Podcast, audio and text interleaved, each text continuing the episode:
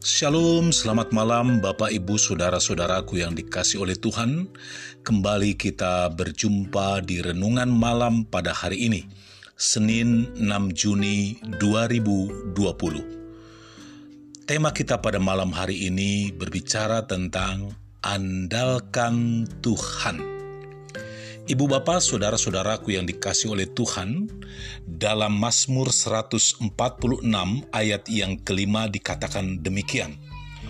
Berbahagialah orang yang mempunyai Allah Yakub sebagai penolong, yang harapannya pada Tuhan Allahnya.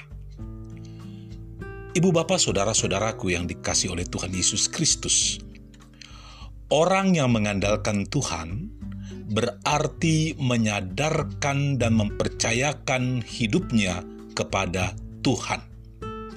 Jadi, andalkan Tuhan berarti hidupnya sungguh-sungguh menyerahkan diri secara total, berserah penuh dengan sungguh-sungguh kepada Tuhan.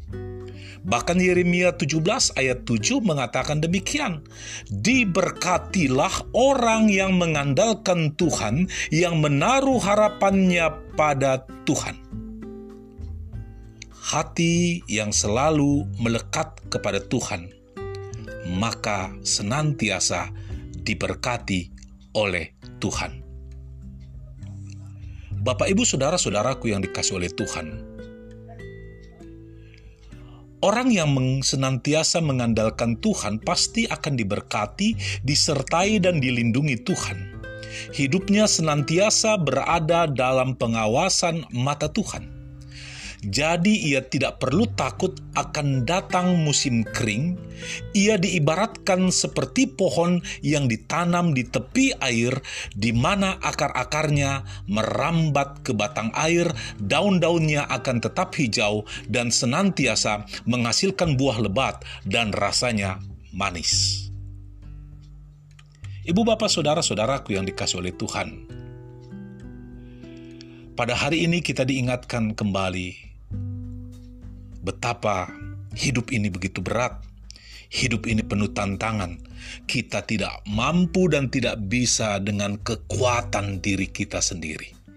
Kita punya sahabat terbatas, kita punya saudara terbatas, kita punya handai taulan terbatas, tapi Tuhan tidak pernah terbatas. Pada malam hari ini, saudara-saudaraku, kita diingatkan kembali oleh kebenaran firman Tuhan yang menguatkan, yang meneguhkan bahwa kita tidak pernah kecewa bila kita mengandalkan Tuhan dalam hidup kita. Janji Tuhan tidak pernah berubah. Janji Tuhan, ya dan amin. Apa janji Tuhan kepada kita? Kalau kita sungguh-sungguh mengandalkan Tuhan, berharap kepada Tuhan, takut akan Tuhan, dia akan menyertai kita kapan pun dan di mana pun, bukan saja di saat suka, namun Dia bersama kita di saat duka.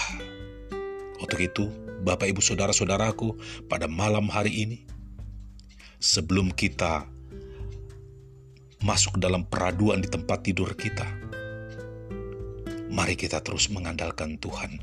Bawa pergumulanmu, bawa masalahmu, bawa tantanganmu. Sebab tidak ada yang mustahil bagi Tuhan. Selamat istirahat, selamat malam, shalom bersama saya, Pendeta Sabta B. Utama Siagian.